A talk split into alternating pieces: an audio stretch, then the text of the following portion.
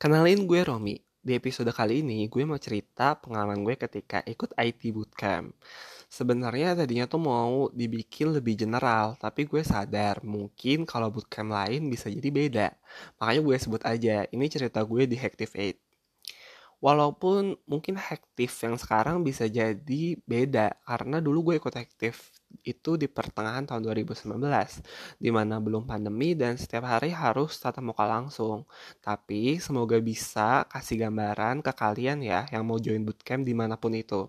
Sebelumnya podcast sebelumnya podcast ini jujur dari pengalaman pribadi gue dan eh, nggak eh, ada sponsor atau apa atau dorong apa pun dari pihak lain.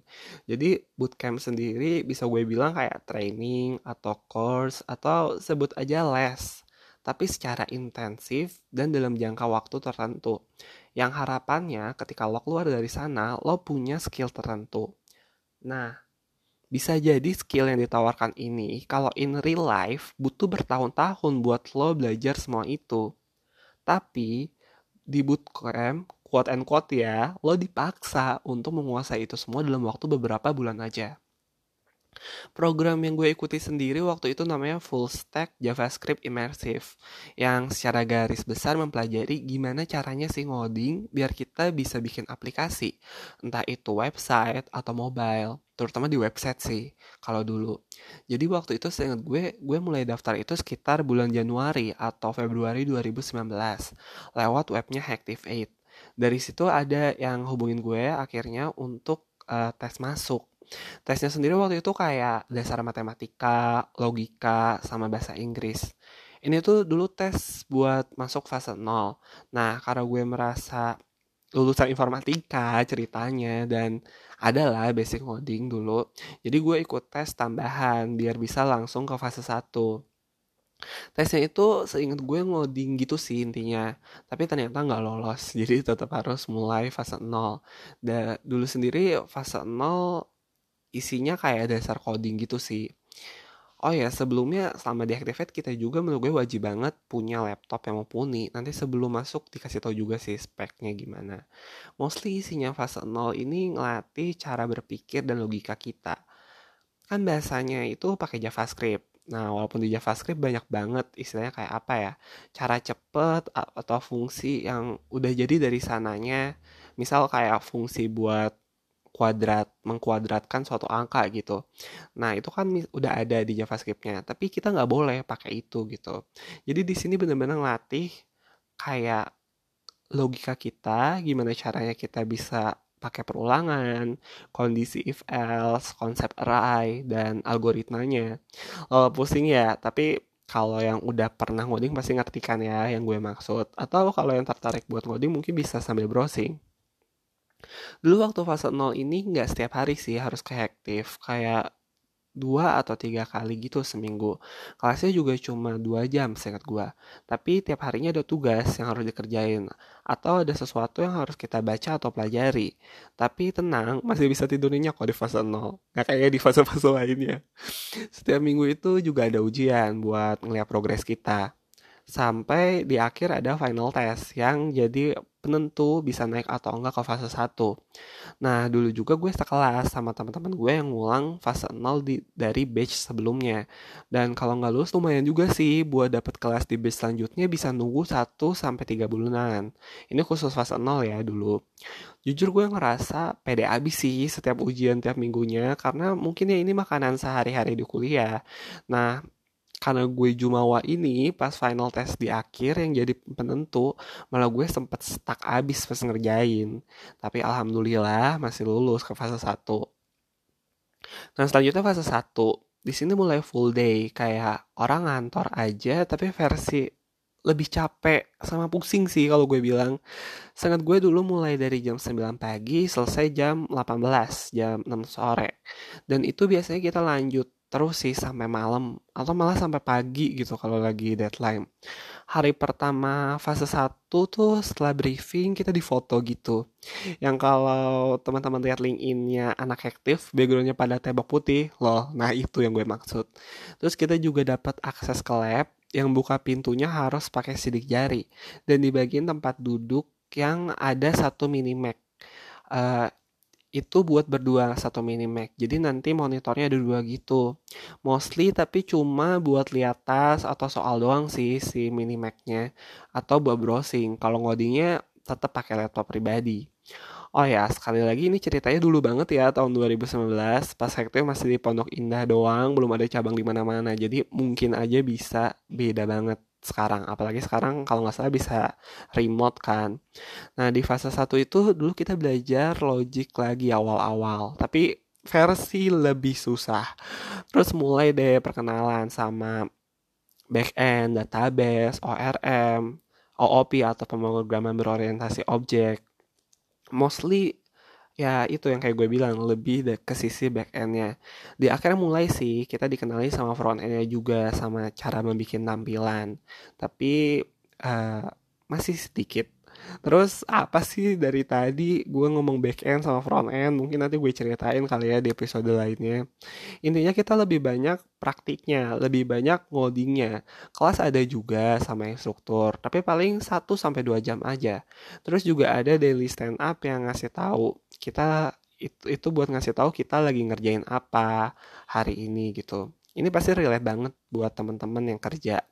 Uh, setiap minggu kita juga ada ujian yang akumulasinya bakal nentuin kita bakal pantas nggak sih buat naik fase selanjutnya. Kita juga di tiap fasenya termasuk fase 0 sebelumnya dulu tuh punya yang namanya body. Yang intinya itu kayak wali kelas kita pas sekolah lah ya. Yang nilai tugas sama ujian kita terus follow up juga progres-progres kita. Nah, mulai fase ini nilai minimal tuh 80 kalau nggak salah. Dan setiap orang itu cuma punya kesempatan ngulang dua kali. Kalau lebih dari itu dulu bisa DO. Duit nggak balik. Lol, mahal ya padahal ikut bootcamp gini dan makin aja stres. Dan parahnya lagi gue baru tau sistem DO ini tuh pas udah masuk fase 1. Dan fase 1 ini gue ngulang. stres sih karena takut aja kan sampai DO. Walaupun nggak sesedih itu juga dulu karena base gue dulu 80% ngulang semua yang masuknya bareng-bareng gue tapi gue malah bersyukur loh ngulang karena jadi lebih ngerti materinya intinya nggak usah berkecil hati kalau ngulang belum tentu kitanya nggak bisa atau bodoh tapi bisa jadi kita emang cuma butuh waktu lebih buat nerima materinya di fase itu gitu Alhamdulillah setelah ngulang sekali, gue lolos ke fase 2 dengan nilai sebelum ngulang, ditambah nilai setelah ngulang, terus dibagi dua hasilnya di atas 80. Jadi masih punya satu nyawa kalau misalnya gue harus ngulang di fase 2. Kalau misalnya nilai akumulasi kita tetap di bawah 80, sebenarnya tetap dipaksa harus lanjut fase 2 juga sih kalau dulu. Cuma jadinya nggak ada kesempatan kalau misalnya ngulang lagi di fase 2 dan jadinya DO kalau misalnya nggak lulus lagi. Lol pusing ya dengerinnya aja. Nah walaupun sepusing itu, seminggu sekali dulu ada namanya kelas Engineering Empathy atau disingkat II. Ini tuh kayak sesi kelas khusus sama psikolog selama 1 sampai 2 jam.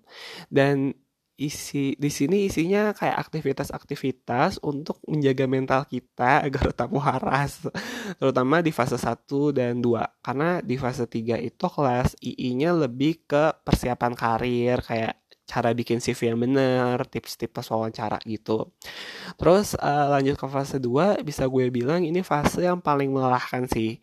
Selain karena selain ngerjain tugas, setiap weekend kita juga ada kayak ngerjain tugas khusus yang nantinya jadi portofolio kita buat ke hiring partner. Dan seminggu sekali hari Kamis ada yang namanya group project. Jadi kayak kita dibagi gitu temanya sama instruktur, terus kita kerjain project website bertiga sama teman kita. Nantinya uh, tugas kita ini bakal dipresentasiin Jumat sorenya di aula udah sih dulu itu kalau malam Jumat pokoknya nggak bakal bisa tidur sama sekali mostly. Tidurnya cuma Jumat malam. Karena Sabtu sampai Minggu udah ngerjain portofolio portofolio yang gue bilang tadi. Dan Minggu malam biasanya nggak tidur lagi karena ngejar deadline sama deployment portofolio. Inget banget Senin pagi tuh kalau kelas pasti sambil ngantuk-ngantuk. Sebenarnya bukan karena kita deadlineer sih karena emang sepadat itu sehari-harinya. Dan di fase 2 ini paling banyak ilmunya menurut gue. Kita bener-bener bikin mulai dari back endnya terus sampai ke tampilan atau front endnya kita juga mulai kenal sama cloud platform kayak GCP yang dari Google atau AWS yang dari Amazon dan udah mulai eksplorasi teknologi lainnya lagi bisa gue bilang selesai dari fase 2 kalian tuh sebenarnya udah siap kerja dan jadi orang yang dicari sama perusahaan gitu Terus lanjut ke fase 3 Alhamdulillah gue gak ngulang fase 2 dan bisa langsung naik fase. Cuma di fase ini gue sempat sedih juga Karena beberapa teman-teman deket gue gak lanjut. Ada yang DO dan ada yang emang ngundurin diri. Di fase ini mulai belajar aplikasi mobile. Maksudnya tuh gimana cara bikin aplikasi mobile gitu yang di HP terus juga kenalan sama testing menurut gue fase 3 lebih penuh sama eksplorasi teknologi baru dan pemantapan tapi tenang ada ujiannya juga kok gue lupa syarat supaya bisa graduation itu gimana tapi intinya akumulasi nilai kita dari fase 1 sampai 3 itu nanti jadi penentu. Pas graduation nanti kita dibagi jadi kelompok gitu, 3 sampai 4 orang. Bikin aplikasi pakai teknologi baru yang belum pernah kita pakai sebelumnya. Misal AI atau IoT, bikin alat. Intinya kita sambil riset juga. Waktu pengerjaannya itu sekitar 3 sampai 5 hari. Nanti kita bakal presentasiin itu kayak semacam di aula besar dan didatengin uh, ditonton sama hiring partner atau calon-calon perusahaan yang nantinya mungkin tertarik untuk merekrut kita. Nanti setelah penghujung acara mulailah biasanya kita uh, turun dari panggung terus didatengin sama mas mbak recruiter tukeran nomor HP atau dikasih kartu nama. Seru juga sekali ya di lain waktu cerita pengalaman setuluh setelah lulus dari bootcamp ini kalau dibahas. Well intinya gitu sih tips dari gue adalah kuatin mental. Gue yakin pas bootcamp banyak banget teman-teman gue yang sebenarnya lebih pinter dari gue tapi terpaksa harus pergi lebih dulu. Dan nggak mesti lulusan informatika atau IT kayak ngoding bisa dilakukan sama siapa pun menurut gue. Asal kemauan itu emang datang dari diri lo. Karena jujur aja banyak malahan anak informatika yang nggak bisa ngoding. Dan eh, penting juga bukan masalah uang atau gaji yang lo dapat dari masa depan dapat di masa depan gitu. Itu cuma bonus gitu. Dan um, uh, banyak juga lulusan aktif yang bukan lulusan IT jadi intinya jangan minder yang penting motivasi dari diri lo aja. Mumpung masih muda cari passion dan jangan menyerah. Gue Romi jangan lupa di follow semoga ada manfaatnya ya